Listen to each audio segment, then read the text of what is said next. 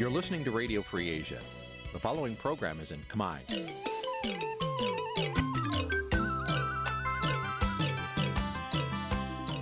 នេះជាកម្មវិធីផ្សាយ Vuthu Azizi Serai នេះជាកម្មវិធីផ្សាយរបស់ Vuthu Azizi Serai ជាភាសាខ្មែរ Vuthu Azizi Serai សូមស្វាគមន៍លោកអ្នកនាងទាំងអស់ពីរដ្ឋធានី Washington នៃសហរដ្ឋអាមេរិក បាទពីរដ្ឋធានី Washington ខ្ញុំបាទជាចំណានសូមជម្រាបសួរលោកអ្នកនាងអ្នកស្ដាប់ Vuthu Azizi Serai ទាំងអស់ជាទីមេត្រីយើងខ្ញុំសូមជូនកម្មវិធីផ្សាយសម្រាប់ព្រឹកថ្ងៃអាទិត្យ6កើតខែមិញឆ្នាំឆ្លូវត្រីស័កពុទ្ធសករាជ2565ដែលត្រូវនៅថ្ងៃទី6ខែកុម្ភៈគ្រិស្តសករាជ2022បាទជាដំបូងនេះសូមអញ្ជើញលោកនាងស្ដាប់ព័ត៌មានប្រចាំថ្ងៃដែលមានមេត្តាដូចតទៅ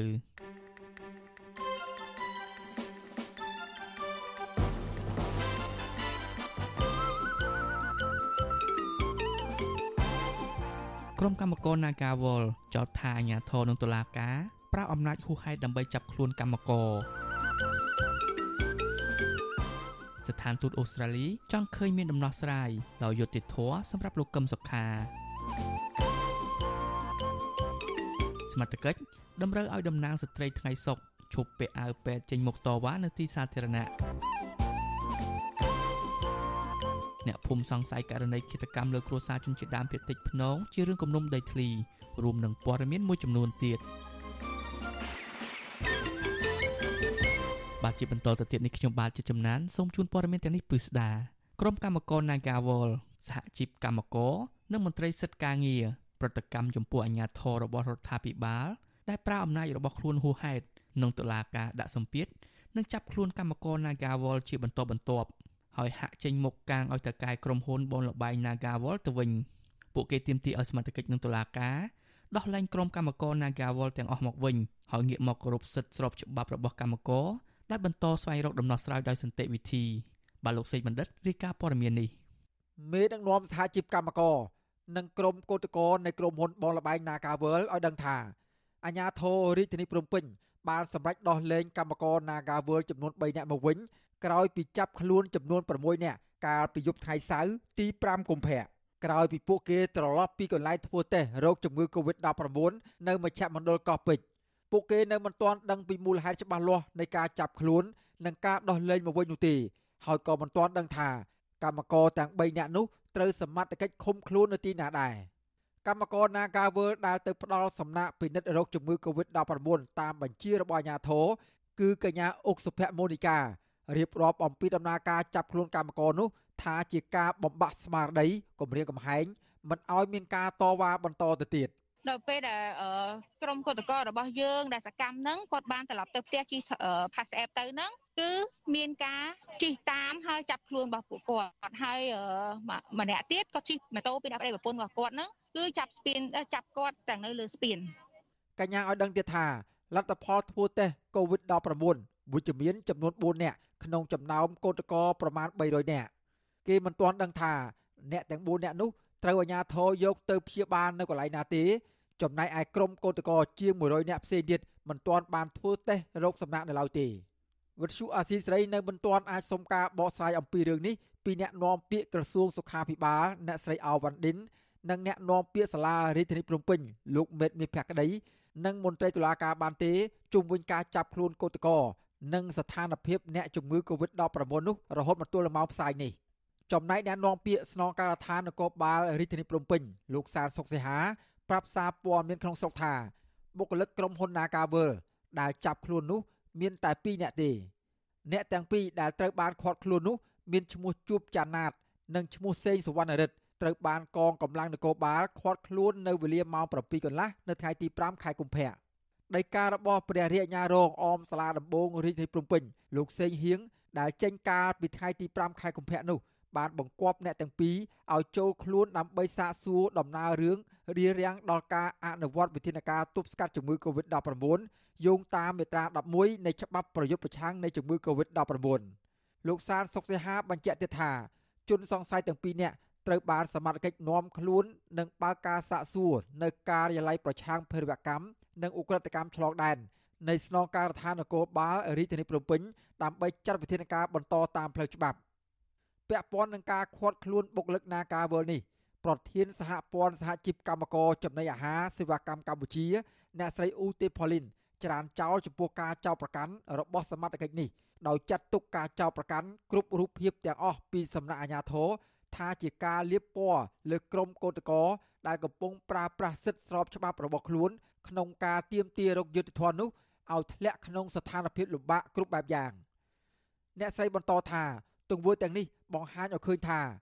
ទាំងអាជ្ញាធរនិងតុលាការហាក់ចេញមុខកាងឲ្យថៅកែក្រុមហ៊ុនបលបៃ Nagavel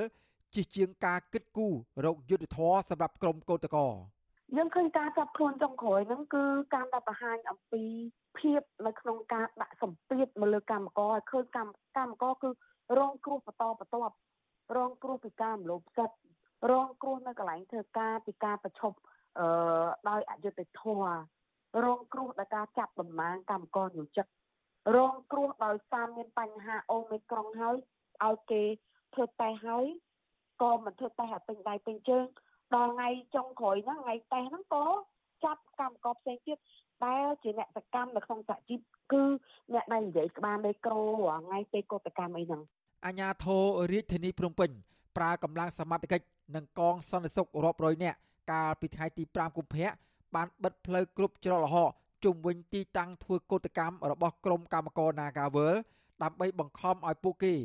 ឡើងរថយន្តក្រុងទៅធ្វើតេស្តរហ័សពិនិត្យរោគជំងឺ Covid-19 នៅមជ្ឈមណ្ឌលកោះពេជ្រតាមការប្រកាសរបស់ក្រសួងសុខាភិបាលទោះយ៉ាងណាក្រុមកម្មករ Nagawal យល់ព្រមធ្វើតាមការចង់បានរបស់អាជ្ញាធរ ដោយចូលរួមសហការជាមួយនឹងក្រុមគ្រូពេទ្យដែលយកសំណាក់ពួកគាត់នៅទីតាំងដែលកំណត់នោះក្រុមកោតក្របង្ហាញចំហថាបើនរណាម្នាក់ពិនិត្យលទ្ធផលឃើញវិជ្ជមានគឺសារសូមឲ្យក្រសួងសុខាភិបាលយកពួកគាត់ទៅព្យាបាលនិងថែទាំតាមវិធានសុខាភិបាលប៉ុន្តែករណីអ្នកគ្មានផ្ទុកជំងឺនេះក្រោយពីពិនិត្យយកសំណាក់រួចហើយពួកគេនៅតែបន្តធ្វើកោតកម្មដដែលដើម្បីទាមទារឲ្យអាជ្ញាធរដោះលែងតំណាងពួកគេ ដែលអាជ្ញាធរបានចាប់ខ្លួននោះមកវិញដើម្បីឈានទៅរកដំណោះស្រាយបញ្ចប់វិវាទការងារជាមួយនឹងក្រុមហ៊ុនខ្ញុំបាទសេកបណ្ឌិតវិទ្យុអាស៊ីសេរីពីរដ្ឋធានីវ៉ាស៊ីនតោនបាទលោកអ្នកនាងអ្នកស្ដាប់ជាទីមេត្រីឯកអគ្គរដ្ឋទូតអូស្ត្រាលីប្រចាំកម្ពុជា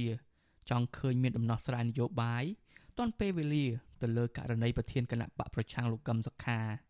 អ្នកវិភាគនយោបាយមើលឃើញថាតុលាការទំនងជាគ្មានផុសតាងដាក់បន្ទុកទៅលើលោកកឹមសុខា ទើបឲ្យលោកសារភាពទោសពួកគេប្រមានថាបើលោកកឹមសុខាបាក់ទឹកចិត្តចោះចាញ់ហើយសារភាពនោះលោកនឹងបាត់បង់ការគ្រប់គ្រងពីពលរដ្ឋបាទលោកយុនសាមៀនរាយការណ៍ព័ត៌មាននេះឯកអគ្គរដ្ឋទូតអូស្ត្រាលីប្រចាំកម្ពុជាលោកប៉ាប្លូកាង បានជួបលោកកម្មសខានៅសប្តាហ៍នេះពិភាក្សាអំពីដំណើរការសវនាការរឿងក្តីរបស់លោក និងអនាគតរបស់ប្រទេសកម្ពុជា Facebook ស្ថានទូតអូស្ត្រាលីកាលពីថ្ងៃទី4កុម្ភៈឲ្យដឹងថា អូស្ត្រាលីជឿជាក់ថាដំណោះស្រាយទាន់ពេលវេលាយុត្តិធម៌និងតម្លាភាពសម្រាប់លោកកឹមសុខាវាមានសារៈសំខាន់ក្នុងការជំរុញការផ្សះផ្សានយោបាយបង្កើតលក្ខខណ្ឌសម្រាប់ការបោះឆ្នោតពិតប្រាកដនៅឆ្នាំ2022និងឆ្នាំ2023ខាងមុខនេះលោកកឹមសុខាក៏សរសេរលើ Facebook លោកថាប្រទេសអូស្ត្រាលីដែលធ្លាប់ជួយរកសន្តិភាពឲ្យកម្ពុជាកាលពីឆ្នាំ1991នៅតែចង់ឃើញកម្ពុជាពេលនេះ មានការបង្រួបបង្រួមជាតិសិទ្ធិសេរីភាព និងមានដំណើរការប្រជាធិបតេយ្យលោកកឹមសុខាលើកឡើងថាយុទ្ធធម៌ពិតជាពិបាករកប៉ុន្តែបើមានមិត្តល្អចិត្តឆ្ងាយទទួលស្គាល់ផ្ដល់តម្លៃគោរពរាប់អានក៏អាចបង្ហាញថាលោកជាមនុស្សស្អាតស្អំនិងមិនបង្កគ្រោះថ្នាក់ដល់អ្នកដទៃឡើយទោះបីមានស្ថានទូតបរទេសបង្ហាញបំឡងឲ្យកម្ពុជាមានដំណោះស្រាយវិបត្តិនយោបាយដើម្បីស្ដារលទ្ធិប្រជាធិបតេយ្យក៏ដោយ ក៏អ្នកវិភាគសង្កេតឃើញថាដំណោះស្រាយនយោបាយអាចពិបាករកនៅពេលនេះ។អ្នកសិក្សាការប្រវត្តិសង្គមបណ្ឌិតសេងសេរីសង្កេតឃើញថានេះមិនមែនជាលើកទី1ទេដែលអង្គទូតប្រទេសសេរី បញ្ចេញប្រតិកម្មលើសំណុំរឿងលោកកឹមសុខាលោកបន្តថាក្នុងបរិយាកាសនយោបាយសពថ្ងៃ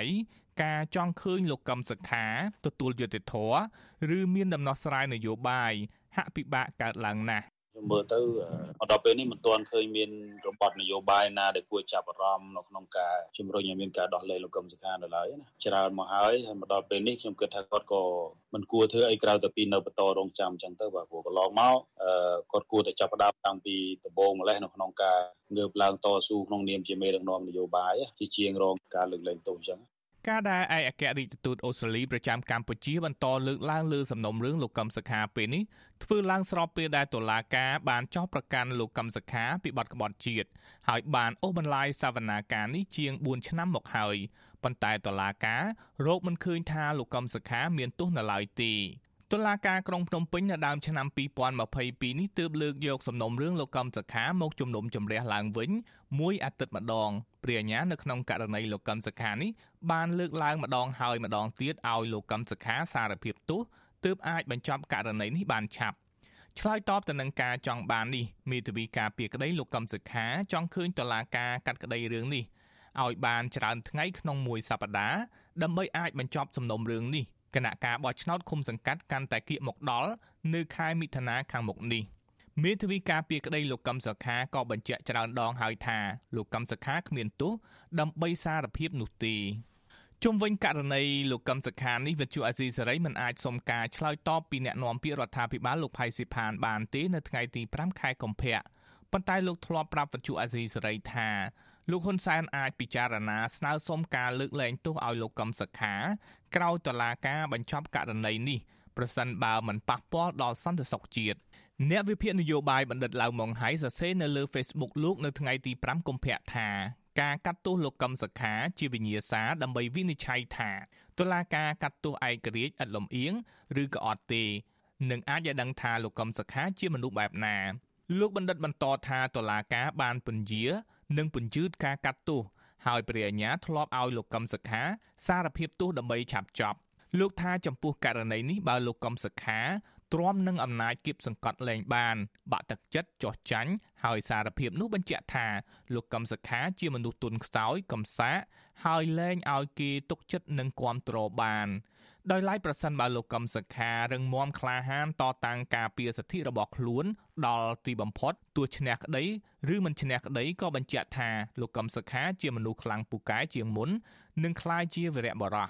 តុលាការក្រុងនឹងបើកសវនាការលើកទី30របស់លោកកឹមសុខានៅថ្ងៃទី9កុម្ភៈនៅសប្តាហ៍ក្រោយ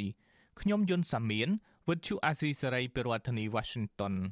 បាទលោកនាងជាទីមេត្រីនគរបាលប៉ុស្តិ៍បឹងទំពុនទី2ខណ្ឌមានជ័យតម្រូវឲ្យប្រពន្ធរបស់សកម្មជនបកប្រឆាំងដែលកំពុងជាប់ឃុំនិងជាតំណាងស្ត្រីថ្ងៃសុកម្នាក់គឺលោកស្រីព្រំចន្ទថាធ្វើកិច្ចសន្យាឲ្យឈប់ប្រើប្រាស់ឯកសណ្ឋានពេទ្យក្នុងពេលចេញតវ៉ានិងដាក់ញត្តិតាមទូតនានានៅក្នុងទីក្រុងភ្នំពេញ លោកស្រីព្រំចន្ទថាអះអាងថាលោកស្រីយល់ព្រមឈប់ពាក់ឯកសណ្ឋានគ្រូពេទ្យទៀតប៉ុន្តែលោកស្រីនៅតែចេញតវ៉ាទាមទាររកយុត្តិធម៌សម្រាប់ប្តីដដែលបានអ្នកស្រីខែសំណងរាយការណ៍ព័ត៌មាននេះ នគរបាលប៉ុស្តិ៍បឹងទំពុនទី2ខណ្ឌមានជ័យរាជធានីភ្នំពេញបានអនុញ្ញាតឲ្យប្រពន្ធរបស់សកម្មជនគណៈបកប្រឆាំងកំពុងជាប់ឃុំលោកកកគុម្ភាគឺលោកស្រីព្រំចន្ទថាវិលត្រឡប់ទៅផ្ទះវិញបន្ទាប់ពីលោកស្រីបានចូលបំភ្លឺតាមលិខិតកោះហៅនិងយល់ព្រមធ្វើកិច្ចសន្យាឈប់ប្រើប្រាស់ឯកសណ្ឋានគ្រូពេទ្យដើម្បីចេញតវ៉ាតាមទីសាធារណៈនិងដាក់ញត្តិជូនស្ថានទូតនានានាយប៉ុស្តិ៍នគរបាលបឹងទំពុន2 លោកខុនលេងថ្លែងប្រាប់វិទ្យុអាស៊ីសេរីថាករណីលោកស្រីព្រំចន្ទថាពាក់ឯកសណ្ឋានជាគ្រូពេទ្យចេញតវ៉ាតាមទីសាធារណៈបែបនេះគឺជារឿងមិនត្រឹមត្រូវនោះទេ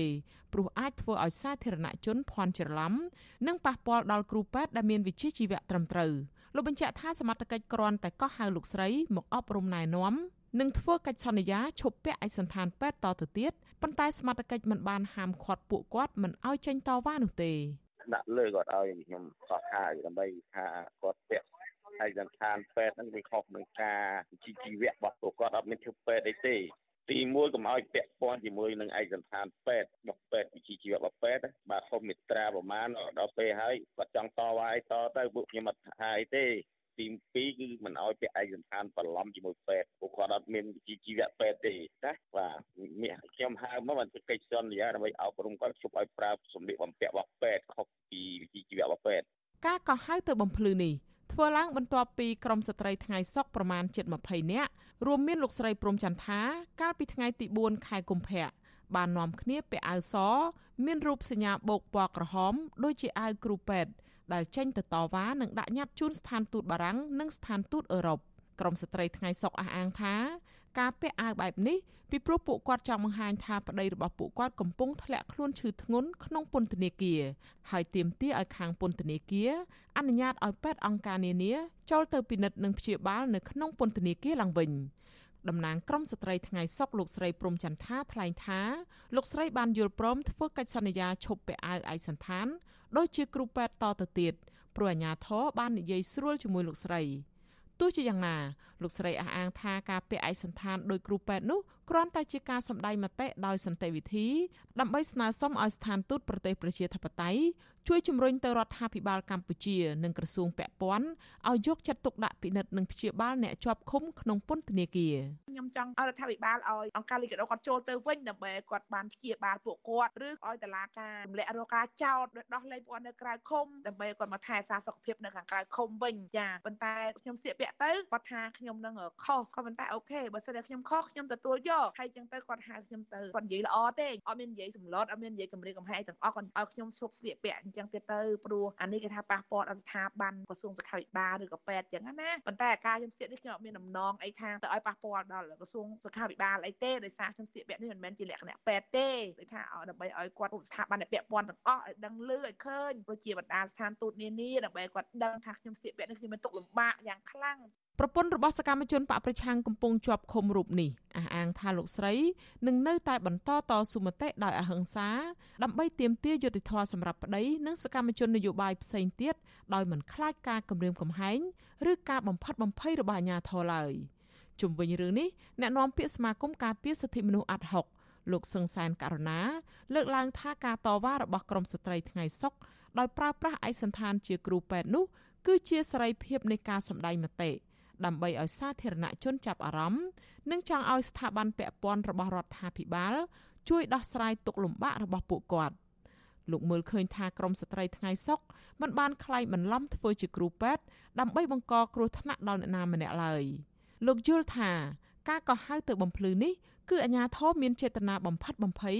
និងចង់បំបិតសិទ្ធិសម្ដែងមតិរបស់ពលរដ្ឋ ដោយការបំភ្លឺរបស់គាត់ចឹងគឺគាត់ធ្វើក្នុងន័យដើម្បីឲ្យខាងអាជ្ញាធរពាក់ព័ន្ធនឹងធ្វើកិច្ចអន្តរាគមន៍យ៉ាងណាឲ្យប្តីរបស់គាត់ត្រូវបានដោះលែងមានសេរីភាពហើយអាចមានការទទួលបានការព្យាបាលហើយចំណែកវិធីសាស្ត្រផ្សេងផ្សេងយើងឃើញហើយវាជាធម្មតាបើប្រទេសប្រជាធិបតេយ្យផ្សេងផ្សេងទៀតនោះយើងឃើញថាគេមានវិធីសាស្ត្រច្រើនជាងនឹងទៅទៀតអាចថាធ្វើលើសពួកគាត់ទៅទៀតប៉ុន្តែជាលក្ខណៈនេះខ្ញុំគិតថាវាគ្រាន់ជាការធ្វើឡើងក្នុងន័យសម្ដែងមតិដើម្បីឲ្យមានការចាប់អារម្មណ៍ហើយយកចិត្តទុកដាក់ដើម្បីរកដំណោះស្រាយតែប៉ុណ្ណឹងលោកស្រីព្រំចន្ទថាតែងតែលេចធ្លោក្នុងការចេញតវ៉ាទាមទារឲ្យអាជ្ញាធរដោះលែងប្តីរបស់គាត់និងសកម្មជនបកប្រឆាំងផ្សេងទៀតដែលកំពុងជាប់ឃុំដោយមូលហេតុនយោបាយការតវ៉ាដោយសន្តិវិធីរបស់ក្រមស្ត្រីថ្ងៃសុកនេះជារឿយៗតែងតែប្រឈមការយាយីការគំរាមកំហែងនិងការបំផិតបំភ័យគ្រប់រូបភាពពីសំណាក់អាជ្ញាធរនិងកងសន្តិសុខសាលារដ្ឋាភិបាលភ្នំពេញ។ កន្លងមកកូនប្រុសរបស់លោកស្រីព្រំចន្ទថាឈ្មោះកសវណ្ណឆៃអាយុ16ឆ្នាំនិងមានជំងឺអូទីសឹមដែលតែងចេញតវ៉ាជាមួយលោកស្រីនោះក៏ត្រូវជន់មិនស្គាល់មុខពីរនាក់ជិះម៉ូតូតាមវាយគាត់ដោយដុំឥដ្ឋបណ្ដាលឲ្យរងរបួសក្បាលធ្ងន់ធ្ងរអញ្ញាធមមិនបាននាំខ្លួនជនល្មើសណាម្នាក់មកផ្ដន់ទោសនោះទេប៉ុន្តែបែរជាចាប់កសវណ្ណឆៃដាក់ពន្ធនាគារអស់រយៈពេល4ខែកន្លះបន្ថែមទៀតក្រុមអង្គការជាតិនិងអន្តរជាតិ តែងអំពាវនាវឲ្យអាជ្ញាធររដ្ឋាភិបាលបញ្ឈប់ការយាយីលើក្រុមគ្រួសាររបស់សកម្មជនបកប្រឆាំងជាបន្ទាន់ព្រោះការស្វែងរកយុត្តិធម៌ដល់អ្នកជាប់ឃុំមិនមែនជាបទល្មើសនោះទេក្រុមអង្គការជាតិនិងអន្តរជាតិក៏ទាមទារឲ្យតុលាការនិងរដ្ឋាភិបាលលោកហ៊ុនសែនទម្លាក់ចោលនឹងការចោទប្រកាន់និងប្រគល់សេរីភាពជូនសកម្មជននយោបាយនិងអ្នករិះគន់ផងដែរព្រោះអ្នកទាំងនោះពុំបានប្រព្រឹត្តខុសច្បាប់ឡើយ។ ចានាងខ្ញុំខែសុណងវັດឈូអាស៊ីសេរីរាយការណ៍ពីរដ្ឋធានី Washington បាទតកតននឹងរឿងនយោបាយនេះដែរអតីតប្រធានគណៈបកហ្វុនស៊ិមពេចព្រះរាជអនុជនរោត្តមអរុណរស្មីប្រកាសថាទ្រង់គ្មានទំនាក់ទំនងនិងគ្មានទូនីតិនៅក្នុងគណៈបកនេះតទៅទៀតទេលិខិតនេះធ្វើឡើងនៅខុទ្ទកាល័យសម្ដេចនរោត្តមអរុណរស្មីកាលពីថ្ងៃទី4ខែកុម្ភៈតែមិនមានបោះត្រាឬហត្ថលេខារបស់ព្រះរាជអនុអរុណរស្មីនោះទេអ្នកនាំពាក្យគណៈបកហ្វុនស៊ិមពេចលោកញឿនរ៉ាដែន ប្រាប់វិសុយអសិរ័យនៅថ្ងៃទី5ខែកុម្ភៈថាអគ្គលេខាធិការដ្ឋាននៃគណៈបកមិនទាន់ទទួលបានលិខិតផ្លូវការពីសម្ដេចអរុណរស្មីនៅឡើយទេតែក្នុងករណីប្រកាសនេះពិតមែនលោកថាគណៈបកនឹងគោរពតាមការបញ្ជាក់នេះធ្វើឡើងក្នុងពេលដែលគណៈបកហ្វុនស៊ិមពេចកំពុងតែមានចំនួនផ្ទៃក្នុងដោយសារតែក្រមមន្ត្រីមួយចំនួនកំពុងសូមយាងព្រះអនុជអរុណរស្មីមកធ្វើជាប្រធានគណៈបកវិញរីឯមន្ត្រីមួយចំនួនទៀតក្រុងធ្វើសមាជទាំងភាពជំរងចម្រាស់ដើម្បីយាងបត្រាច្បងរបស់សម្ដេចក្រមព្រះ គឺព្រះអង្គម្ចាស់ចក្រវុឌ្ឍឲ្យឡើងជាប្រធានបកដោយរក្សាទុកតួនាទីព្រះអនុជអរុណរស្មីនៅជាអនុប្រធានគណៈបកដដែលសមាជនេះនឹងធ្វើឡើងនៅថ្ងៃទី9ខែកុម្ភៈទៅតាមការកំណត់នៅក្នុងរបៀបវិរៈដដែលអ្នកនាំពាក្យបកនេះលោកញឿនរ៉ាដែនបញ្ជាក់ថានៅក្នុងករណីបកទទួលបានលិខិតជាផ្លូវការពីព្រះរាជអនុជអរុណរស្មីនោះគណៈបកនឹងបញ្ឈប់តួនាទីអនុប្រធានគណៈបកតាមការសម្រេចប្រតិយរបស់ទ្រង់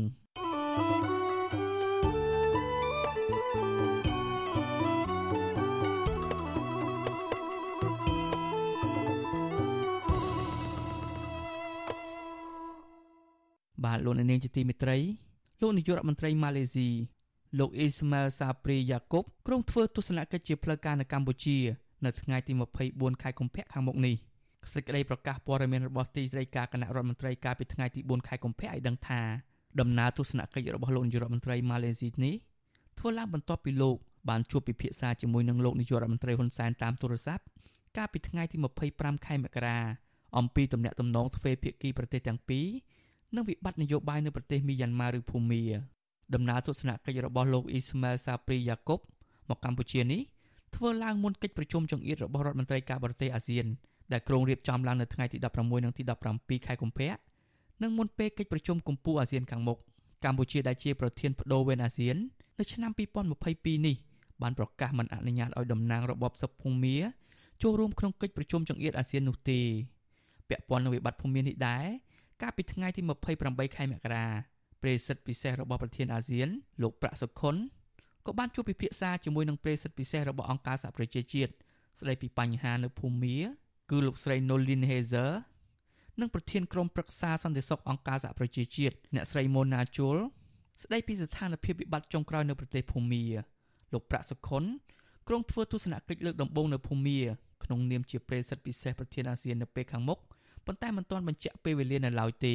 បាទតកតងនឹងរឿងអាស៊ាននេះដែរអ្នកវិភាគលើកឡើងថាលោកនាយករដ្ឋមន្ត្រីហ៊ុនសែនគ្មានជំរឿអ្វីផ្សេងក្រៅពីត្រូវតែងាកទៅពិភាក្សាគ្នាក្នុងក្របខ័ណ្ឌអាស៊ានដើម្បីដោះស្រាយបញ្ហាវិបត្តិនយោបាយនៅមីយ៉ាន់ម៉ានៅឡើយបាទលោកអ្នកនាងនឹងបានស្ដាប់ព័ត៌មានលម្អិតអំពីរឿងនេះនៅពេលបន្តិចទៀតនេះ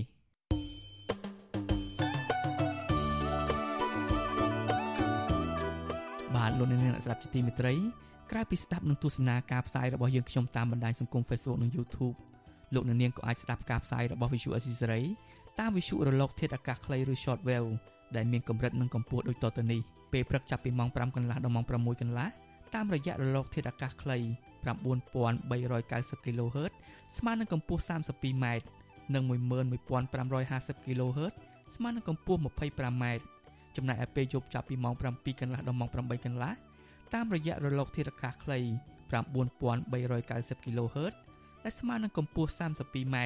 និង15155 kHz ស្មើនឹងកម្ពស់ 20m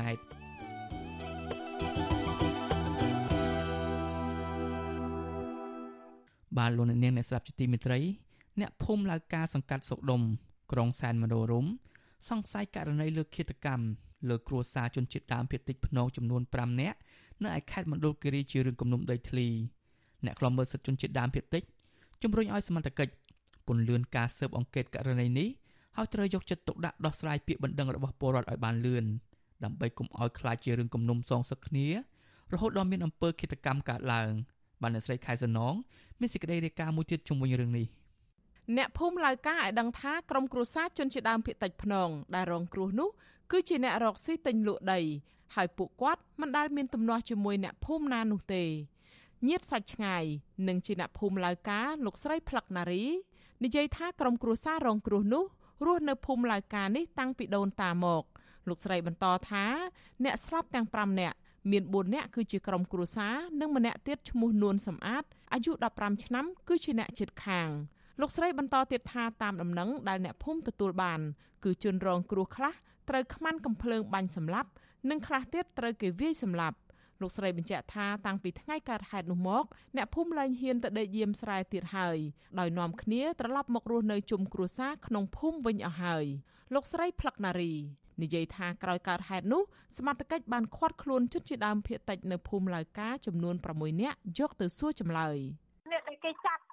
ថាជាជនសង្ស័យហ្នឹងនៅក្នុងភូមិហ្នឹងប៉ុន្តែគាត់ថាតាមយើងមើលទៅប៉ូលីសគាត់ខាត់ហ្នឹងដូចជាស្តិមនុស្សដែលគាត់ខាត់ហ្នឹងដូចជាអត់សូវគ្រប់អញ្ចឹងណាខាត់បាន6នាក់គេថាមានម្នាក់ទៀតក៏ស្អីវាមិនគ្រប់ដែរអញ្ចឹងណាអ្នកភូមិរូបនេះអះអាងថាភូមិឡៅកាមិនធ្លាប់កើតមានករណីឃាតកម្មសាហាវសម្រាប់ទាំងគ្រួសារបែបនេះទេ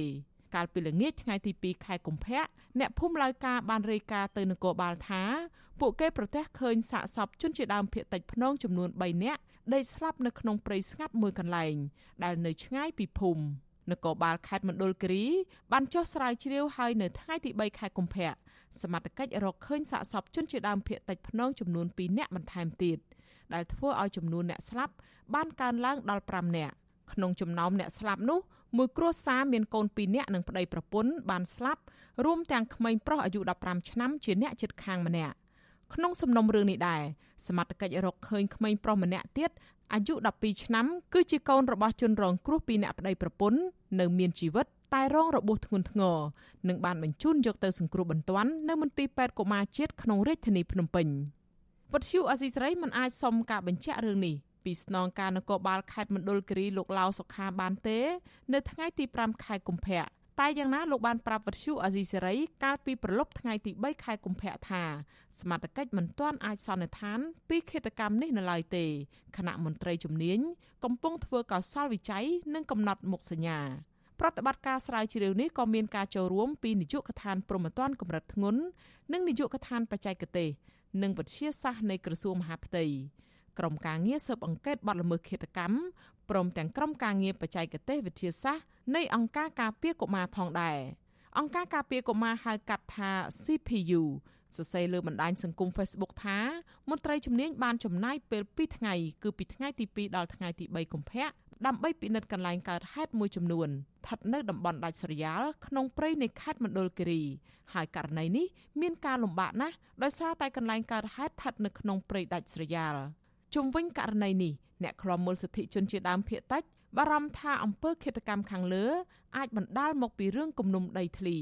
ទីប្រឹក្សាបណ្ដាញសហគមន៍ជនជាដើមភាគតិចភ្នងលោកក្រឹងតុលាលើកឡើងថាបច្ចុប្បន្នដីក្នុងខេត្តមណ្ឌលគិរីពិសេសតំបន់ព្រៃកប់សពក្នុងសហគមន៍របស់ជនជាដើមភាគតិចពោពេញដោយទំនាស់ដោយសារឈ្មួញនិងអ្នកមានអំណាចបានរំលោភយក។ លោកបន្តថាដើម្បីកុំឲ្យកើតមានករណីឃាតកម្មសាហាវបែបនេះបន្តទៀតសមត្ថកិច្ចគួរតែពន្លឿនការដោះស្រាយពាក្យបណ្ដឹងរបស់ជនជាដើមភាគតិចឲ្យបានលឿន ដោយគំទុករហូតឲ្យចំនួននោះคล้ายជារឿងគំនុំទីមួយគឺយើងគួរតែគ្រប់គ្រងគ្រឿងជំទោសហ្នឹងគឺគ្រប់គ្រងឲ្យបានទីពីរគឺរាល់ពាក្យបណ្ដឹងរបស់ប្រជាពលរដ្ឋយើងគួរតែចាប់អារម្មណ៍ដោះស្រាយភ្លាមភ្លាមប៉ុន្តែកន្លងមកយើងឃើញហើយដាក់ពាក្យបណ្ដឹងទៅភាគីកភាគីខមិនទៅរើគ្នាតែអាជ្ញាធរអត់មានសមត្ថភាពក្នុងការដោះទេអញ្ចឹងទុករឿងចោលទៅវាខ្លាចជារឿងនេះគំនុំ ក្នុងឆ្នាំ2021កើតមានករណីឃាតកម្មសាហាវសាហាវច្រើនករណីដូចជាខេត្តកំពង់ឆ្នាំងករណីបរោះជាប្តីប្រើអំពើហិង្សាចាក់ប្រពន្ធកំពុងមានផ្ទៃពោះឲ្យរងរបួសបន្ទាប់មកបរោះជាប្តី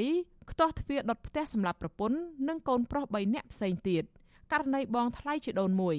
ដឹកប្អូនថ្លៃអាយុ10ឆ្នាំយកទៅវាយសម្លាប់ចោលក្នុងដីឡូមួយកន្លែងក្នុងខណ្ឌច្បារអំពៅ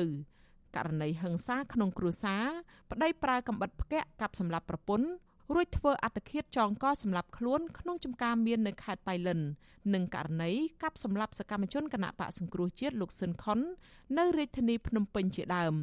ករណីឃាតកម្មទាំងនេះមានខ្លះគឺជារឿងគំនុំខ្លះជាអំពើហិង្សាក្នុងគ្រួសារនិងខ្លះទៀតត្រូវគេចាត់ទុកថាជារឿងនយោបាយចា៎នាងខ្ញុំខែសុណងវັດឈូអាស៊ីសេរីរាយការណ៍ពីរដ្ឋធានី Washington បាទលោកអ្នកនាងជាទីមេត្រីអញ្ញាធរអប្សរាកំពុងសិក្សានិងប្រមូលព័ត៌មានដើម្បីដាក់ជូនទៅក្រសួងវប្បធម៌និងវិចិត្រសិល្បៈព្រមទាំងស្ថាប័នពាក់ព័ន្ធស្ដីពីសំណង់អង្គរសិប្បនិមិត្តនៅតំបន់ទេសចរក្នុងទីក្រុងដាណាងប្រទេសវៀតណាមអគ្គនាយករងនិងមន្ត្រីនាំពាក្យនៃអាជ្ញាធរអប្សរាលោកលងកុសលប្រាប់កាសែតក្នុងស្រុកកាលពីថ្ងៃទី5ខែកុម្ភៈថាក្រោយពីប្រមូលព័ត៌មានបានច្បាស់លាស់អាជ្ញាធរអប្សរានឹងតាក់ទងជាមួយនឹងក្រសួងការបរទេស និងស្ថានទូតកម្ពុជាប្រចាំប្រទេសវៀតណាមដើម្បីទាមទារឲ្យមានការពិនិត្យឡើងវិញនិងហាមឃាត់លោកលងកុសលបន្តថាការលួចចម្លងនឹងការសង់សំណង់សិប្បនិមិត្តរបស់ខ្មែរធ្លាប់បានកើតមានឡើងនៅក្នុងប្រទេសដទៃផងដែរក្នុងនោះប្រទេសខ្លះសូមកិច្ចសហការហើយប្រទេសខ្លះទៀតមិនបានសូមកិច្ចសហការអ្វីឡើយលោកថាការលួចចម្លងបែបនេះគឺជាទង្វើខ្វះក្រមសីលធម៌គ្មានការយល់ដឹងច្បាស់អំពីតម្លៃកិច្ចការពារសម្បត្តិបេតិកភណ្ឌពិភពលោក ដែលមនុស្សជាតិទាំងអស់ត្រូវចូលរួមថែរក្សាក្នុងរយៈពេលប្រមាណថ្ងៃនេះប្រជាពលរដ្ឋខ្មែរនិងអ្នកលេងបណ្ដាញសង្គម Facebook បាននាំគ្នាប្រតិកម្មជាខ្លាំងបន្ទាប់ពីពួកគេបានឃើញសំណង់អង្គរសិប្បនិមិត្តត្រូវបានសាងសង់នៅតំបន់ទេសចររបស់វៀតណាមក្នុងទីក្រុងដាណាងហើយត្រូវបានចែកចាយនៅលើបណ្ដាញសង្គមគេហទំព័រតំបន់ទេសចរវៀតណាមបានបង្ហាញទីតាំងដែលគេបានសាងសង់អង្គរសិប្បនិមិត្តនេះស្ថិតនៅក្នុងតំបន់ទេសចរក្រុងដាណាង ដែលបានដាក់ឲ្យភ្ញៀវទេសចរទស្សនាកាលពីអំឡុងឆ្នាំ2019តំបន់សំណង់អង្គរសិប្បនិមិត្តនោះគេឲ្យឈ្មោះថាសួនអាស៊ីដែលនៅក្នុងសួននោះក្រៅពីសំណង់អង្គរសិប្បនិមិត្តរបស់ខ្មែរក៏មានសំណង់តំបន់ទេសចររបស់ប្រទេសមួយចំនួនក្នុងតំបន់អាស៊ីជាច្រើនទៀតដូចជាប្រទេសថៃ សង្ហបុរីចិនកូរ៉េខាងត្បូងនេប៉ាល់និងឥណ្ឌាជាដើម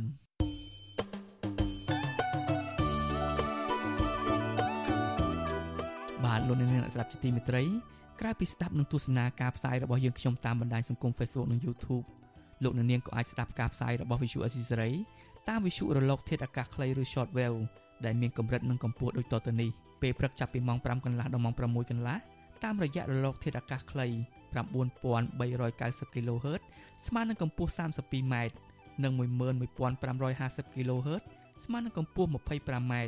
ចំណែកឯពេលយប់ចាប់ពីម៉ោង7កន្លះដល់ម៉ោង8កន្លះតាមរយៈរលកធាតុអាកាសខ្លី9390 kHz ដែលស្មើនឹងកម្ពស់ 32m និង15155 kHz ស្មើនឹងកម្ពស់ 20m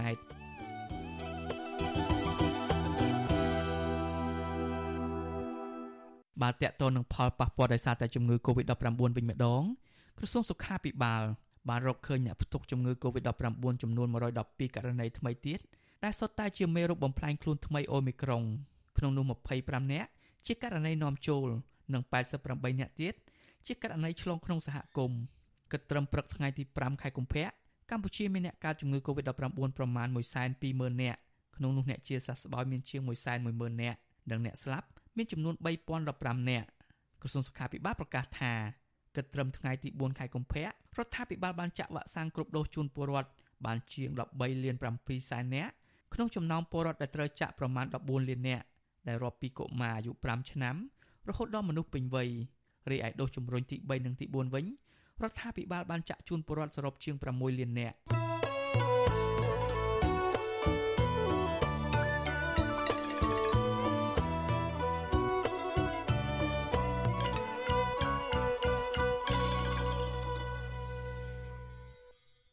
បាទនៅឯប្រទេសថៃឯនោះវិញ រដ្ឋាភិបាលថៃ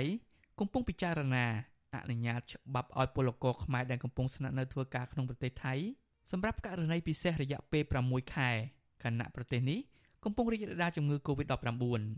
ក្រសួងការងារថៃថ្មីថ្មីនេះ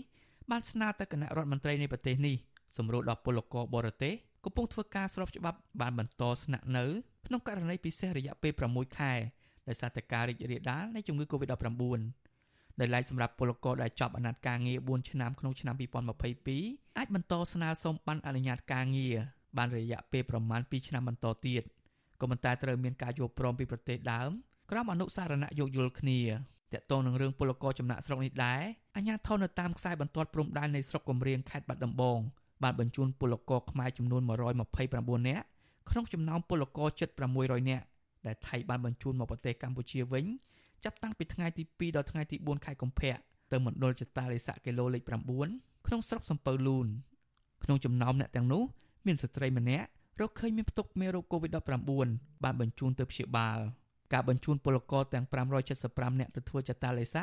និងព្យាបាលជំងឺ COVID-19 នេះធ្វើឡើងបន្ទាប់ពីខាងភាគីថៃបានបញ្ជូនពលករខ្មែរចូលប្រទេសកម្ពុជាវិញតាមច្រកអូនលក់ស្ថិតនៅក្នុងភូមិអូនលក់ ឃុំតាសែនស្រុកកំរៀងនិងបន្ទាប់ពីមន្ត្រីជំនាញបានរកឃើញពួកគាត់មានការចាក់វ៉ាក់សាំងកូវីដហើយតែស្កេនមិនចេញទិន្នន័យហើយពលករជាស្ត្រីម្នាក់មានវិជ្ជមានជំងឺ Covid-19 Facebook របស់ការិយាល័យផ្សព្វផ្សាយអប់រំនៃស្នងការដ្ឋាននគរបាលខេត្តបាត់ដំបងឲ្យដឹងថាចំពោះពលករចំនួន447នាក់ដែលមានការចាក់វ៉ាក់សាំងបានត្រឹមត្រូវត្រូវបានក្រុមគ្រូពេទ្យអនុញ្ញាតឲ្យវិលត្រឡប់ទៅមូលដ្ឋានរៀងៗខ្លួនវិញបន្ទាប់ពីបានយកសំណាក់ធ្វើតេស្ត ដោយឧបករណ៍ Rapid Test ហើយលទ្ធផលគឺអវិជ្ជមានទាំងអស់គ្នា thank you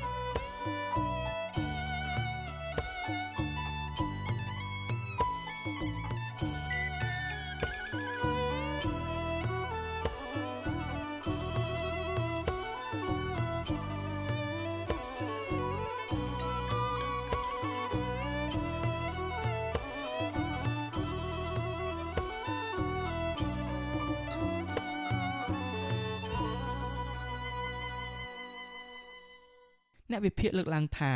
លោកនាយករដ្ឋមន្ត្រីហ៊ុនសែនគ្មានជំរឿអ្វីផ្សេងក្រៅពីងាកមកពិភាក្សាគ្នាក្នុងក្របខ័ណ្ឌអាស៊ានដើម្បីដោះស្រាយបញ្ហាវិបត្តិនយោបាយនៅមីយ៉ាន់ម៉ា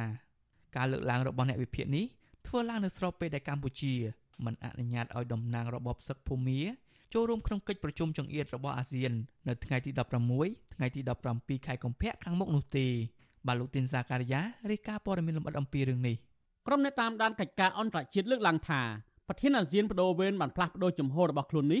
គឺបង្ហាញថាកម្ពុជាបានងាកមកតាមចំហរួមរបស់អាស៊ានវិញក្រោយទទួលរងនឹងការរិះគន់ពីសមាជិកអាស៊ាន និងសហគមន៍អន្តរជាតិលើការដោះស្រាយវិបត្តិនយោបាយនៅមីយ៉ាន់ម៉ាកន្លងមកមិនទទួលបានជោគជ័យអ្នកជំនាញកម្ពុជាសាស្ត្រនយោបាយនិងកិច្ចការអន្តរជាតិលោកអែមសវណ្ណរាមានប្រសាសន៍ថាជារឿងល្អមួយដែលប្រធានបដូវវេនអាស៊ានផ្លាស់ប្តូរចំហរបស់ខ្លួនលើបញ្ហាវិបត្តិនយោបាយនៅភូមិនេះលោកបញ្ជាក់ថាបើសិនជាកម្ពុជាមិនផ្លាស់ប្តូរចំហទេ គឺការរៀបចំកិច្ចប្រជុំថ្នាក់រដ្ឋមន្ត្រីការបរទេសអាស៊ាននៅថ្ងៃទី16ថ្ងៃទី17កុម្ភៈខាងមុខនេះក៏មិនអាចរៀបចំទៅបានដែរ របបជំហរនយោបាយរបស់រដ្ឋាភិបាលកម្ពុជាគឺដើម្បីសម្របសម្រួលទៅនឹងសន្តិភាពអាស៊ានដោយសារសមាជិកអាស៊ានដទៃទៀតគឺគេមិនយល់ស្របទៅនឹងការចូលរួមរបស់រដ្ឋាភិបាលយោធាភូមិទី1ទី2បើកម្ពុជាមិនសម្របសម្រួលឬក៏បត់ទៅតាមការលើកឡើងឬការទាមទាររបស់សមាជិកអាស៊ានដទៃទៀតដូចជាឥណ្ឌូនេស៊ីសិង្ហបុរីម៉ាឡេស៊ីទេកម្ពុជាមិនអាចរៀបចំកិច្ចប្រជុំរដ្ឋមន្ត្រីការបរទេសអាស៊ាននៅថ្ងៃ16នឹងបានទេហើយបើមិនអាចរៀបចំបានកម្រិតរបៀបវរៈឆ្នាំ2022ទេកម្ពុជាពិបាកក្នុងការរៀបចំឬដឹកនាំជាប្រធានអាស៊ានកម្ពុជាបានខកខានរៀបចំកិច្ចប្រជុំថ្នាក់រដ្ឋមន្ត្រីការបរទេសអាស៊ានម្ដងរួចមកហើយកាលពីខែមករាឆ្នាំ2022នេះការខកខាននេះដោយសារតែថ្នាក់ដឹកនាំអាស៊ានមួយចំនួនមិនពេញចិត្តចំពោះដំណើរទស្សនកិច្ចដ៏ចម្រូងចម្រាសរបស់លោកហ៊ុនសែនទៅកាន់ប្រទេសមីយ៉ាន់ម៉ាកាលពីថ្ងៃទី7និងថ្ងៃទី8មករារដ្ឋមន្ត្រីការបរទេសម៉ាឡេស៊ីលោកសៃហ្វូទីនអាប់តុលឡោះថ្លែងប្រាប់ក្រុមអ្នកសារព័ត៌មានកាលពីខែមករាថា មូលហេតុចម្បងដែលរដ្ឋមន្ត្រីការបរទេសអាស៊ានមិនទៅចូលរួមប្រជុំថ្នាក់រដ្ឋមន្ត្រីការបរទេសអាស៊ាននៅខេត្តសៀមរាបនោះដោយសារតែលោកហ៊ុនសែនទៅធ្វើទស្សនកិច្ចនៅប្រទេសមីយ៉ាន់ម៉ាមិនបានពិភាក្សាជាមួយថ្នាក់ដឹកនាំអាស៊ានជាមុនសិនអ្នកនាំពាក្យក្រសួងការបរទេសកម្ពុជាលោកជុំសុនទ្រីឲ្យវិទ្យុអាស៊ីសេរីដឹងតាមរយៈសារអេឡិចត្រូនិកកាលពីថ្ងៃទី3កុម្ភៈថាការប្រជុំថ្នាក់រដ្ឋមន្ត្រីការបរទេសអាស៊ាននៅពេលខាងមុខនេះវិញគឺមិនឲ្យតំណាងរបបសឹកមកចូលរួមនោះទេគឺអនុញ្ញាតត្រឹមតែអ្នកតំណាងរបស់មីយ៉ាន់ម៉ា ដែលមិនជាប់ពាក់ព័ន្ធនយោបាយឬជាមន្ត្រីបច្ចេកទេសតែប៉ុណ្ណោះពីព្រោះរបបសឹកមីយ៉ាន់ម៉ាអនុវត្តបានតិចតួចនៃកិច្ចព្រមព្រៀង5ចំណុចរបស់អាស៊ានម្យ៉ាងទៀតលោកបញ្ជាក់ថាជាជាងទុកកៅអីរបស់មីយ៉ាន់ម៉ាទំនេរចោលការសម្រេចមិនអនុញ្ញាតឲ្យតំណាងរបបសឹកមកចូលរួមក្នុងកិច្ចប្រជុំនេះបានស្នើជាថ្មីម្ដងទៀតកាលពីចុងខែមករាឲ្យមេដឹកនាំរដ្ឋប្រហារអនុវត្តកិច្ចព្រមព្រៀង4ចំណុចសំណើទាំង4ចំណុចរបស់លោកហ៊ុនសែននោះរួមមានស្នើឲ្យមេដឹកនាំរដ្ឋប្រហារមានអង្លាំងអ នុវត្តឲ្យបានគោលការណ៍ទាំង5ចំណុចរបស់អាស៊ានស្នើឲ្យបង្កលក្ខណៈល្អឲ្យប្រសិទ្ធពិសេសចូលទៅធ្វើទស្សនកិច្ចនៅមីយ៉ាន់ម៉ាត្រូវបញ្ឈប់នៅរាល់អំពើហិង្សានិងត្រូវផ្ដល់ការសហការជាមួយបណ្ដាប្រទេសជាសមាជិកក្នុងការផ្ដល់ជំនួយមនុស្សធម៌ដល់ប្រជារដ្ឋមីយ៉ាន់ម៉ាជាដើមនៅក្នុងជំនួបរវាងលោកហ៊ុនសែននិងលោកមីនអងលៀងកាលពីថ្ងៃទី26មករានោះលោកហ៊ុនសែនលើកឡើងថាបើសិនជារបបសឹកអនុវត្តគោលការណ៍5ចំណុចរបស់អាស៊ាននោះគឺកម្ពុជានឹងអនុញ្ញាតឲ្យមេដឹកនាំរបបសឹកនេះ អាចមកចូលរួមក្នុងកិច្ចប្រជុំកំពូលអាស៊ាននាពេលខាងមុខបានក៏ប៉ុន្តែមកទល់ពេលនេះមេដឹកនាំរបបសឹកមិនទាន់ឆ្លើយតបចំពោះសំណើរបស់លោកហ៊ុនសែននៅឡើយទេក្រុមនៃវិភាគលើកឡើងថាកម្ពុជាផ្លាស់ប្តូរចំហមិនឲ្យតំណាងរបបសឹកមកចូលរួមក្នុងកិច្ចប្រជុំថ្នាក់រដ្ឋមន្ត្រីអាស៊ាននៅពេលនេះទំនងជាប្រធានអាស៊ានរងភាពអាម៉ាស់ម្ដងហើយម្ដងទៀតដែលមេដឹកនាំរបបសឹកមិនបានគោរពកិច្ចព្រមព្រៀងនោះអ្នកខ្លោមើលផ្នែកអភិវឌ្ឍសង្គមលោកមរិតសេនស៊ូរីមានប្រសាសន៍ថា កម្ពុជាក្នុងនាមជាប្រធានបដូវវេនអាស៊ានបានផ្លាស់ប្តូរចំហរបស់ខ្លួនលើវិបត្តិនយោបាយនៅភូមានេះគឺជារឿងល្អមួយលោកបញ្ជាក់ថាលោកហ៊ុនសែនហាក់ដូចជាលែងចាត់ទុករឿងមីយ៉ាន់ម៉ាជាបញ្ហាអត្ថភាពទៀតហើយលោកបញ្ជាក់ថាការផ្លាស់ប្តូរចំហនៅពេលនេះក៏ដោយសារតែការព្យាយាមដោះស្រាយវិបត្តិនៅភូមាមិនទទួលបានជោគជ័យនិងរងការរិះគន់ពីសមាជិកអាស៊ានផង និងពីសហគមន៍អន្តរជាតិផង។ យើងឃើញថាកម្ពុជាលែងចាត់ទុកបញ្ហាវិបត្តិនៅភូមិហ្នឹងជាបញ្ហាអតិភិបហើយដោយសារតែនៅពេលដែលកម្ពុជាផ្ដួចផ្ដើមនៅក្នុងការព្យាយាមដោះស្រាយវិបត្តិនៅភូមិហ្នឹងគឺជាពិសេសគឺដំណើរទស្សនកិច្ចរបស់លោកយុរដ្ឋមន្ត្រីហ៊ុនសែនពីដើមឆ្នាំហ្នឹងយើងឃើញថាត្រូវបានស្ដីបន្ទោសត្រូវបានប្រមាថណាត្រូវបានដៀលថ្មេះពីសមាជិកអាស៊ានក៏ដូចជាបណ្ដាអង្គការអន្តរជាតិផ្សេងៗតើតើនឹងបញ្ហានេះ លោកនាយរដ្ឋមន្ត្រីហ៊ុនសែនបានថ្លែងនៅក្នុងវេទិកាទេសចរអាស៊ាននៅខេត្តប្រសេះអនុកាលពីខែមករាថាអាស៊ានមានការងារច្រើនណាស់ដែលត្រូវធ្វើលោកបន្ថែមថាអាស៊ានមិនមែនជាចំណាប់ខ្មាំងរបស់មីយ៉ាន់ម៉ានោះឡើយខ្ញុំសូមបញ្ជាក់ថាកិច្ចការរបស់អាស៊ានឆ្នាំ2022មិនមែនមានតែបញ្ហាមីយ៉ាម៉ាតែមួយនោះទេដោយតអ្នកទាំងឡាយបាននិយាយយ៉ាងច្រើនក្នុងរយៈពេលប្រមាណជាជិត3អាទិត្យនេះខ្ញុំសូមនិយាយថា យើងមានកិច្ចការជាច្រើនដែលត្រូវធ្វើក្រៅពីរឿងម៉ៃយ៉ាម៉ាហើយអាស៊ានមិនមែនជាចំណាប់ខ្មាំងនៃបញ្ហារបស់ម៉ៃយ៉ាម៉ានោះទេនេះជាការបញ្ជាក់យ៉ាងខ្លីដល់សង្ខេបដើម្បីចង្អុលបង្ហាញទិសទៅលើអ្នកតាមដានសភាពការទាំងឡាយតកតងនឹងបញ្ហានេះអ្នកជំនាញខាងវិទ្យាសាស្ត្រនយោបាយនិងទំនាក់ទំនងអន្តរជាតិលោកអែមសវណ្ណរាមានប្រសាសន៍ថាបញ្ហាចំនួននយោបាយនៅមីយ៉ាន់ម៉ា ប្រធានអាស៊ាននឹងមិនអាចដោះស្រាយបានទេលោកអះអាងថាការដោះស្រាយវិបត្តិនេះបានលុះត្រាតែកម្ពុជាដែលជាប្រធានបដូវវេនអាស៊ានធ្វើការសម្របសម្រួលនឹងរដ្ឋាភិបាលស៊ីវិលស្របច្បាប់របស់អ្នកស្រីអង្សានស៊ូជីនិងតំណាងមេដឹកនាំរដ្ឋប្រហារមីនអងលៀងដើម្បីឲ្យងាកមករកតុកចរចានយោបាយជាមុនសិនទើបអាចឈានទៅបញ្ចប់វិបត្តិនយោបាយនៅមីយ៉ាន់ម៉ាបានលោកសង្កត់ធ្ងន់ថានៅក្នុងស្ថានភាពបែបនេះកម្ពុជារក្សាចំហរួមរបស់អាស៊ាន មិនឲ្យតំណាងយោធាមកអង្គុយលើកៅអីនៅកិច្ចប្រជុំថ្នាក់រដ្ឋមន្ត្រីការបរទេសអាស៊ាននេះគឺជារឿងប្រសើរគេហៅថាកម្ពុជាពុំទាន់មានអធិបុលគ្រប់គ្រាន់ទៅក្នុងការជំរុញឲ្យភូមិនឹងតម្លាក់ចោលនៅអំពើហិង្សានៅឡើយទេទាំងរដ្ឋាភិបាលយោធាទាំងបបស៊ីវិលដោយសារតែភូមិមានទំនាស់ ផ្ទៃក្នុងច្រើនស្រួចស្រាលហើយចំណុចមួយទៀតគឺការយល់របស់កម្ពុជានឹងមិនយល់ស្របទៅនឹងទស្សនៈរបស់អាស៊ានដទៃទៀតកន្លងមកកម្ពុជាគិតថាតំណាងរបស់ភូមិគឺរដ្ឋាភិបាលយោធាដែលកាន់អំណាចយ៉ាងហើយតាមពិតវានៅខ្វះរដ្ឋាភិបាលស៊ីវិលមួយទៀតប៉ុន្តែពលរដ្ឋភូមិទៅទៀតគឺអត់យល់ស្របទៅនឹងរដ្ឋាភិបាលយោធាជារដ្ឋាភិបាលមានអំណាចដែលត្រូវចរចាទេកាលពីខែមេសាឆ្នាំ2021សមាជិកអាស៊ានបានឯកភាពលើគោលការណ៍5ចំណុចរួមមានត្រូវបញ្ឈប់ជាបន្ទាន់នៅអំពើហិង្សា ហើយគ្រប់ភាគីត្រូវបង្កើនការអត់ធ្មត់ចាប់ផ្ដើមការសន្ទនាប្រកបដោយស្ថាបនាក្នុងចំណោមភាគីពាក់ព័ន្ធដើម្បីស្វែងរកដំណោះស្រាយដោយសន្តិវិធីប្រសិទ្ធពិសេសរបស់ប្រធានអាស៊ាននឹងត្រូវសម្រួលដល់ការសម្រោះសម្រួលនៃដំណើរការរៀបចំកិច្ចសន្ទនាដោយមានជំនួយពីអគ្គលេខាធិការអាស៊ានអាស៊ានត្រូវផ្ដល់ជំនួយមនុស្សធម៌ប្រសិទ្ធពិសេសនឹងគណៈប្រតិភូនឹងទៅធ្វើទស្សនកិច្ចនៅប្រទេសមីយ៉ាន់ម៉ាដើម្បីជួបភាគីពាក់ព័ន្ធទាំងអស់ ក៏ប៉ុន្តែលោកមីនអងលៀងមិនបានអនុវត្តតាមគោលការណ៍ទាំង5ចំណុចនេះឡើយកាលពីឆ្នាំ2021ប្រទេសប្រ៊ុយណេដែលជាប្រធានបដូវវេនអាស៊ានកាលនោះក៏មិនអនុញ្ញាតឲ្យតំណាងរបបផ្សឹកមកចូលរួមនៅក្នុងកិច្ចប្រជុំកំពូលអាស៊ានបានដែរទាក់ទងនឹងបញ្ហានេះក្រុមនៃវិភាគលើកឡើងថាក្នុងអាណត្តិរបស់កម្ពុជាជាប្រធានបដូវវេនអាស៊ានក្នុងឆ្នាំ2022នេះវិញក៏មិនអាចដោះស្រាយវិបត្តិនៅមីយ៉ាន់ម៉ានេះបានដដែលដោយសារតែមេដឹកនាំរដ្ឋប្រហារនៅតែបន្តប្រើអំពើហិង្សានិងសម្លាប់ពលរដ្ឋរបស់ខ្លួន។ មកទល់ពេលនេះរបបយោធាបានសម្លាប់មនុស្សជិត1500នាក់និងមនុស្សជិត12000នាក់ផ្សេងទៀតកំពុងជាប់ឃុំក្រុមអ្នកតាមដានកិច្ចការអន្តរជាតិលើកឡើងថាវិបត្តិនយោបាយនៅភូមានេះនឹងអស់បន្លាយយូរបន្តទៀតហើយកម្ពុជានឹងរុញរឿងនេះទៅឲ្យប្រធានបដូវវេនបន្ទាប់គឺប្រទេសឥណ្ឌូនេស៊ីជាអ្នកដោះស្រាយបន្តខ្ញុំទីនសាការីយ៉ាអសិរ័យប្រធានីវ៉ាស៊ីនតោនបាទលោកនាងជាទីមេត្រីក្រុមអក្រិតជនជនជាតិចិន នៅតែបន្តធ្វើសកម្មភាពចាប់បង្ខាំងមនុស្សចម្រិតទារប្រាក់ប្រើប្រាស់អាវុធបាញ់សម្លាប់ជនរងគ្រោះកប់ចូលក្នុងដីឥតខ្លាចរអាអង្គការសង្គមស៊ីវិលលើកឡើងថា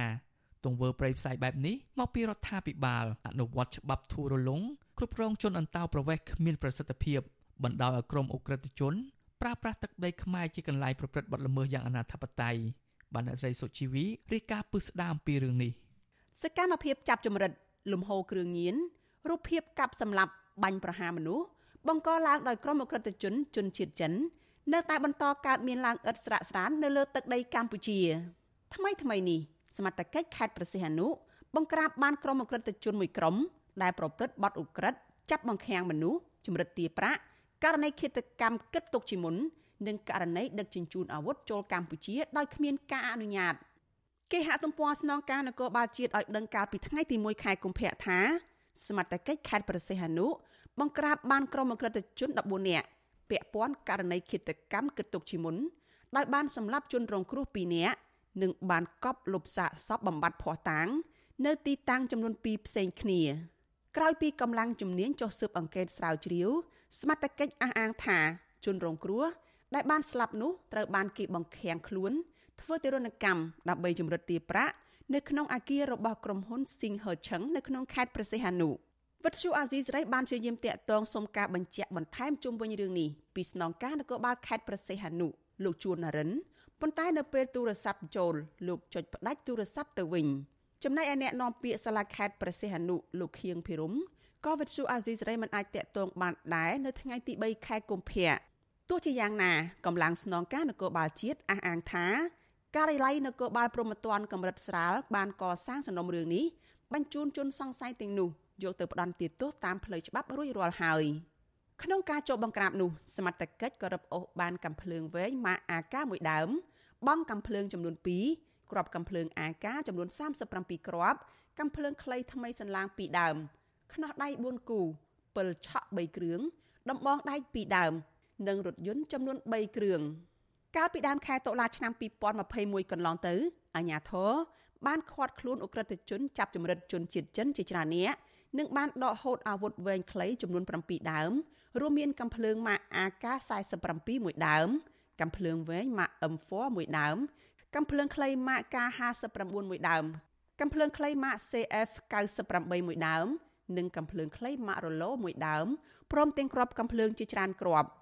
ជុំវិញករណីក្រុមអក្រិតជនដែលមានអាវុធកាន់កាប់ពេញពេញដៃនេះវិទ្យុអាស៊ីសេរីក៏បានតាក់ទងសុំការបកស្រាយពីអ្នកនាំពាក្យក្រសួងមហាផ្ទៃលោកខៀវសុភ័ក្រនិងអគ្គនាយកអន្តោប្រវេសន៍លោកគៀតច័ន្ទថារិទ្ធប៉ុន្តែទូរស័ព្ទហៅចូលជាច្រើនដងគ្មានអ្នកទទួលមន្ត្រីអង្គការសង្គមស៊ីវិលនៅតែបន្តទៀមទាជំរុញឲ្យអាជ្ញាធរថ្នាក់ជាតិនិងក្រសួងពាក់ព័ន្ធបើកការស៊ើបអង្កេតប្រកបដោយតម្លាភាព វៃមករកមេខ្លោងក្រុមអក្រិតជនមន្ត្រីក្រាក់ក្រាក់ដែលបានខົບខិតជាមួយនឹងអក្រិតជនគ្រឿងញៀននាំចូលមកកម្ពុជានិងអ្នកដែលបានលក់កំភ្លើងទៅឲ្យជនជាតិចិនព្រោះជនល្មើសភៀកច្រើនសុទ្ធសឹងតែជាក្រុមចាប់ចម្រិតប្រដាប់ដោយអាវុធវែងខ្លីប្រធានមជ្ឈមណ្ឌលពលរដ្ឋដើម្បីអភិវឌ្ឍនិងសន្តិភាពលោកយងកំឯងមានប្រសាសន៍ថាសកម្មភាពចាប់ចម្រិតសម្រាប់មនុស្សនៅក្នុងសង្គមកម្ពុជាសពថ្ងៃនេះឆ្លុះបញ្ចាំងឲ្យឃើញថាអ ுக ្រិតជន កាន់តែហ៊ានធ្វើសកម្មភាពខុសខើដែលបានជះឥទ្ធិពលអាក្រក់ដល់ប្រទេសកម្ពុជា នៅលើឆាកអន្តរជាតិលោកបន្តថាលំហូរគ្រឿងញៀនករណីចាប់ចម្រិតជាបន្តបន្ទាប់មកនេះដោយសារតែអាជ្ញាធរអនុវត្តច្បាប់ធូររលុងខົບខិតប្រព្រឹត្តអំពើពុករលួយជាប្រព័ន្ធទើបធ្វើឲ្យក្រុមអក្រិតជនហ៊ានធ្វើសកម្មភាពគ្រប់បែបយ៉ាង នៅលើទឹកដីខ្មែរ ការប្រើអាវុធការបាញ់បោះនេះវាជាកង្វល់ជាប្រវត្តិហើយក៏វាបានផ្ដល់ឥទ្ធិពលដ៏ក្រក់សម្រាប់សង្គមខ្មែរដែរដែលមានការបាញ់បោះមានប្រើប្រាស់គ្រឿងញៀនប្រព្រឹត្តអំពើព្រៃផ្សៃហេតុផ្សេងអនុនោះសម្រាប់ការធានាទៅដល់ភ្ញៀវទេសចរជាទូទៅដែលអាចលេងទៅកំសាន្តអីដោយគ្មានការព្រួយបារម្ភឆ្លើយតបបញ្ហានេះប្រធានអង្គភិបអ្នកនាំពាក្យរដ្ឋាភិបាលលោកផៃស៊ីផានទទួលស្គាល់ថា ករណីចាប់ចម្រិតនេះបានคล้ายជាវប្បធម៌មួយសម្រាប់អ ுக ្រិតជនក្នុងការចម្រិតទារប្រាក់ពីជនបរទេសនៅប្រទេសកម្ពុជាអាការចំណិតហ្នឹងវាវប្បធម៌មួយនៃបរទេសអានឹងចាស់តែវាមកជាមួយនឹងញៀវបរទេសយើងព្រួយបារម្ភដែរវិធានការទឹកតែរបស់សមាជិករបស់យើងគឺឃើញថារាល់ការចម្រិតយើងតែបំបែកដាក់ដីហ្នឹងចាប់ជនល្មើសឲ្យបញ្ជូនចេញទៅក្រៅឬក៏ដាក់គុកពន្ធនាគារនៅក្នុងប្រទេសកម្ពុជាកន្លងទៅ ក៏មានក្រុមអក្រិតជនជនជាតិចិនចាប់ចម្រិតឆោបបោកទារប្រាក់តាមប្រព័ន្ធអ៊ីនធឺណិតនិងបង្ខាំងជនជាតិថៃរាប់ពាន់នាក់ឲ្យធ្វើការងារនៅក្នុងបនលបែងកាស៊ីណូខុសច្បាប់នៅក្នុងក្រុងប៉ោយប៉ែតកាលពីខែមករាពលករថៃចំនួន502នាក់បានចាញ់បោកនិងត្រូវបង្ខំឲ្យធ្វើការខុសច្បាប់ នៅតាមព្រំដែនកម្ពុជាថៃនៅក្នុងខេត្តពោធិ៍សាត់កោះកុងខេត្តប្រសេះអនុនិងក្រុងប៉ោយប៉ែតពួកគេត្រូវបានជួយសង្គ្រោះដោយមានអន្តរាគមពីសមត្ថកិច្ចកម្ពុជា ហើយក្រុមអក្រិតជន បានយល់ព្រមដោះលែងពលករថៃទាំងនោះឲ្យនៅក្រៅភោជនីយដ្ឋាននិងសន្តាគារដែលពួកគេបានបង្ខាំងឲ្យធ្វើការដោយខុសច្បាប់ជុំវិញរឿងនេះអ្នកសម្របសម្រួលសមាគមការពារសិទ្ធិមនុស្សអាត6ប្រចាំនៅខេត្តព្រះសីហនុអ្នកស្រីជាបសុធារី មានប្រសាសន៍ថាករណីចាប់ចម្រិតបញ្ហាគ្រឿងញៀននិងអសន្តិសុខបង្កឡើងដោយក្រុមប្រដាប់អាវុធជនជាតិចិន បានคล้ายទៅជាក្តីកង្វល់ដ៏ធំមួយសម្រាប់ប្រជាពលរដ្ឋទូទៅនៅក្នុងខេត្តព្រះសីហនុគឺពួកគេកំពុងរស់នៅទាំងភាពភ័យខ្លាចអ្នកស្រីបារម្ភថានៅពេលដែលអាជ្ញាធរអនុវត្តច្បាប់គ្មានប្រសិទ្ធភាពមានការខົບខិតគ្នាជាប្រព័ន្ធនឹងធ្វើឲ្យក្រុមអក្រិតជនមិនរៀងចាលនៅតែបន្តប្រព្រឹត្តបទឧក្រិដ្ឋនៅកម្ពុជាតាមទំនឹងចិត្ត ប៉ុន្តែសំខាន់តែវិធានការនៃការអនុវត្តនឹងគឺបានតឹងរឹងអត់មានការខົບខិតគ្នាជាប្រព័ន្ធដែរអត់ព្រោះយើងអត់ចង់ឲ្យមានករណីលើកលែងឬក៏ការដោះស្រាយគ្នាអឺក្រៅប្រព័ន្ធតុលាការជារបៀបពុកប៉ាន់អីទេរាល់ថ្ងៃយើងដឹងអំពីការចាប់បានជនប្រព្រឹត្តបទល្មើសឬក៏ជនសង្ស័យបញ្ជូនទៅតុលាការប៉ុន្តែអាព័ត៌មានបន្តទៀតថាតើតុលាការបានដាក់ទោសពិន័យគាត់ដល់កម្រិតណាកម្រិតណាគឺយើងអត់ដឹងយើងមិនដឹងថាចាប់ហើយតើវិធានការក្នុងការសម្រេចសេចក្តីផ្ដន្ទាទោសប្រហែលឆ្នាំប្រហែលឆ្នាំតើវាតរយៈភាពជាមួយនឹងអំពើល្មើសអត់មន្ត្រីសង្គមស៊ីវិលព្រួយបារម្ភថាប្រសិនបើអាជ្ញាធរកម្ពុជាអនុវត្តច្បាប់ធូររលុងដោយសពថ្ងៃនេះ បណ្ដោយឲ្យក្រុមអ ுக ្រិតជនចិនធ្វើសកម្មភាពកាន់តែឃោឃៅនោះកម្ពុជានឹងមានឈ្មោះកាន់តែអាក្រក់ធ្វើឲ្យភ្ញៀវអន្តរជាតិខ្លាចរអាមិនហ៊ានមកទស្សនានៅប្រទេសកម្ពុជានាងខ្ញុំសុជីវីវិទ្យុអាស៊ីសេរីពីរដ្ឋធានី Washington បាទលោកអ្នកនាងជាទីមេត្រីក្រុមអ្នកខ្លំមើលនៅតែមិនមានទំនុកចិត្តទាំងស្រុងថាកម្ពុជាអាចត្រូវអង្គការពិភពលោកខ្លំមើលអំពើលាងលុយកខ្វក់ដកចេញពីបញ្ជីប្រភេទ នៃប្រទេសដែលមានហានិភ័យខ្ពស់ខាងអំពើលាងលុយកខ្វក់នោះទេពួកគេលើកទឹកចិត្តដល់កម្ពុជាឲ្យបន្តចាត់វិធានការពិតប្រាកដប្រឆាំងនឹងអំពើលាងលុយកខ្វក់ដោយត្រូវត្រួតពិនិត្យឲ្យបានច្បាស់លាស់ពីប្រភពលំហូរនៃទុនវិនិយោគរបស់បរទេសជាពិសេសប្រទេសកុម្មុយនីសចិនបាទលោកមេរិតរាយការណ៍ព័ត៌មាននេះអស់រយៈពេលជាង3ឆ្នាំមកហើយដែលកម្ពុជាបន្តជាប់ឈ្មោះក្នុងចំណាត់ថ្នាក់ជាក្រុមប្រទេសមានហានិភ័យខ្ពស់ ខាងអំពើលាងលុយកខ្វក់ដែលពិភពលោកត្រូវបង្កើនការឃ្លាំមើលកាន់តែខ្លាំងនាយកប្រតិបត្តិអង្គការសម្ព័ន្ធគណនេយ្យភាពសង្គមកម្ពុជា លោកសនជ័យមើលឃើញថាចាប់តាំងពីមានការដាក់បញ្ចូលកម្ពុជា ទៅក្នុងបញ្ជីប្រភេទនៃក្រុមប្រទេសលាងលុយកខ្វក់របស់ពិភពលោកនេះមកចំណាត់ថ្នាក់នេះកំពុងតែធ្វើឲ្យប៉ះពាល់ដល់ការវិនិយោគរបស់បរទេសនៅកម្ពុជា និងកេរ្តិ៍ឈ្មោះរបស់ប្រទេសនេះលោកសង្កេតឃើញថាមានការត្រួតពិនិត្យ និងសួរនាំតឹងរឹងជាងមុននៅតាមស្ថាប័នធនាគារពាក់ព័ន្ធនឹងប្រភពសាច់ប្រាក់របស់អតិថិជនឬអ្នកប្រកបអាជីវកម្មមួយចំនួនលោកសុនជ័យបន្តថានេះគឺជាការវិវត្តមួយដែលមិនធ្លាប់មានពីមុនមកក៏ប៉ុន្តែលោកចង់ឃើញរដ្ឋាភិបាលដាក់ចេញនូវវិធានការត្រួតពិនិត្យប្រភពសាច់ប្រាក់របស់អ្នកវិនិយោគបរទេសឲ្យបានកាន់តែសកម្មនិងច្បាស់លាស់ជាងនេះ ខ្ញុំនៅមានសុតិធិនិយមថាកម្ពុជាអាចនឹងស្ថិតនៅក្នុងស្ថានភាពមួយដែលអាចចាប់ប្រសើរជាងមុនប៉ុន្តែក្រែងលោការផ្លាត់អត់ស្នៀតឬក៏ការវាយតម្លៃណាមួយដែលដែលស្ថាប័នអន្តរជាតិហ្នឹងគេរកឃើញប្រភពនៃការហូរចូលដែលមានការបន្ទិលហ្នឹងអាហ្នឹងវាជារឿងមួយផ្សេងទៀតព្រោះអីយើងដឹងហើយថាការវិនិយោគមួយចំនួនដែលពាក់ព័ន្ធជាមួយនឹងការលាងលុយនេះ គេសំដៅទៅលើអ្នកវិនិយោគមួយដែលមិនត្រឹមត្រូវហើយដែលមានចម្ងល់ច្រើនអំពីការធ្វើឲ្យមានលំហូរសាច់ប្រាក់មកចូលកម្ពុជាណាក្តីបារម្ភពីកំសោយនៃការត្រួតពិនិត្យលំហូរសាច់ប្រាក់វិនិយោគរបស់បរទេសចូលមកកម្ពុជានេះក៏ត្រូវបានអ្នកឃ្លាំមើលមួយរូបទៀតយល់ឃើញថារដ្ឋាភិបាលនៅតែមិនទាន់ធ្វើបាននៅឡើយ សកម្មជនបរិស្ថាននិងជាស្ថាបនិកអង្គការមេដាធម្មជាតិលោក Alejandro Gonzalez Davidson នៅតែយល់ឃើញថាចំណាត់ការកន្លងមករបស់រដ្ឋាភិបាលប្រឆាំងនឹងអំពើលាងលុយកខ្វក់អាចគ្រាន់តែជាឆាកល្ខោនដែលរដ្ឋាភិបាលធ្វើឡើងដើម្បីយកចិត្តស្ថាប័នអន្តរជាតិឲ្យដកឈ្មោះកម្ពុជាចេញពីបញ្ជីប្រភេទនេះក៏ប៉ុន្តែលោកអាលិចយល់ថាធៀបពិតជាក់ស្ដែង រដ្ឋាភិបាលកម្ពុជានៅតែបណ្តែតបណ្តោយឲ្យមានអំពើលាងលុយកខ្វក់នេះឡើងព្រោះជាផ្នែកមួយនៃផលប្រយោជន៍របស់ខ្លួនដែលបានមកពីអំពើពុករលួយ។ អានឹងជាក្តីបារម្ភរបស់ខ្ញុំណាប៉ុន្តែជារឿងរខោនដែលគេទួដើម្បីជៀសវាងឬក៏ដើម្បីកាត់បន្ថយហានិភ័យដែល FATF ហ្នឹង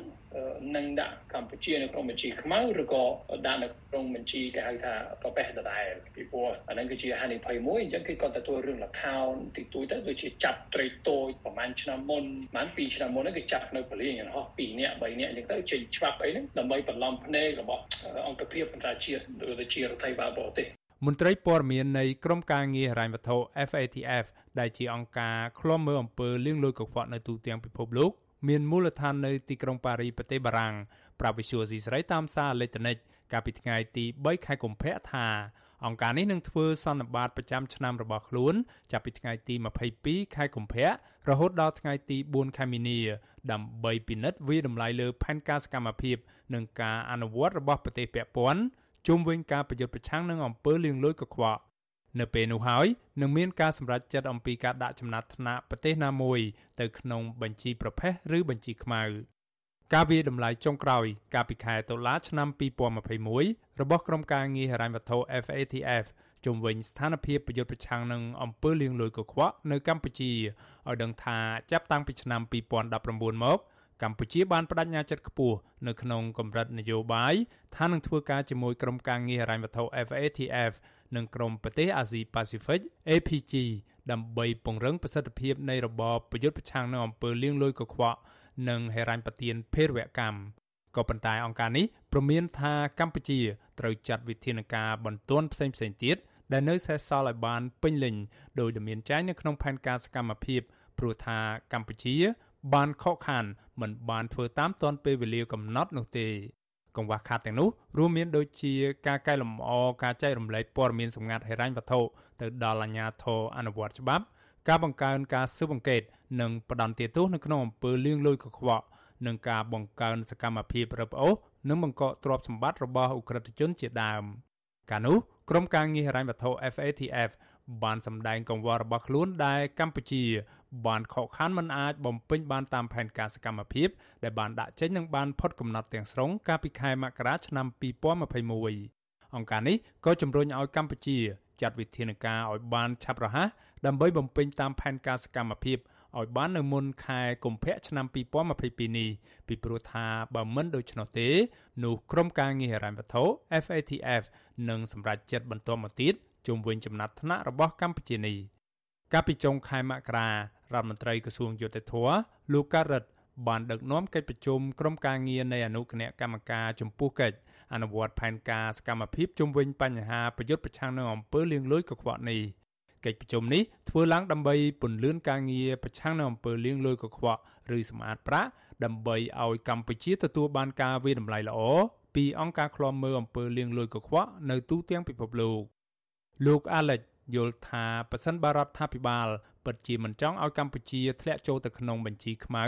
នៃក្រុមប្រទេសលាងលុយកខ្វក់មែននោះនោះកម្ពុជាត្រូវចាត់វិធានការកាត់បន្ថយទំនាក់ទំនងមិនល្អជាមួយក្រុមអ្នកវិនិយោគមកពីប្រភពមិនច្បាស់លាស់ដូចជាប្រទេសចិនជាដើម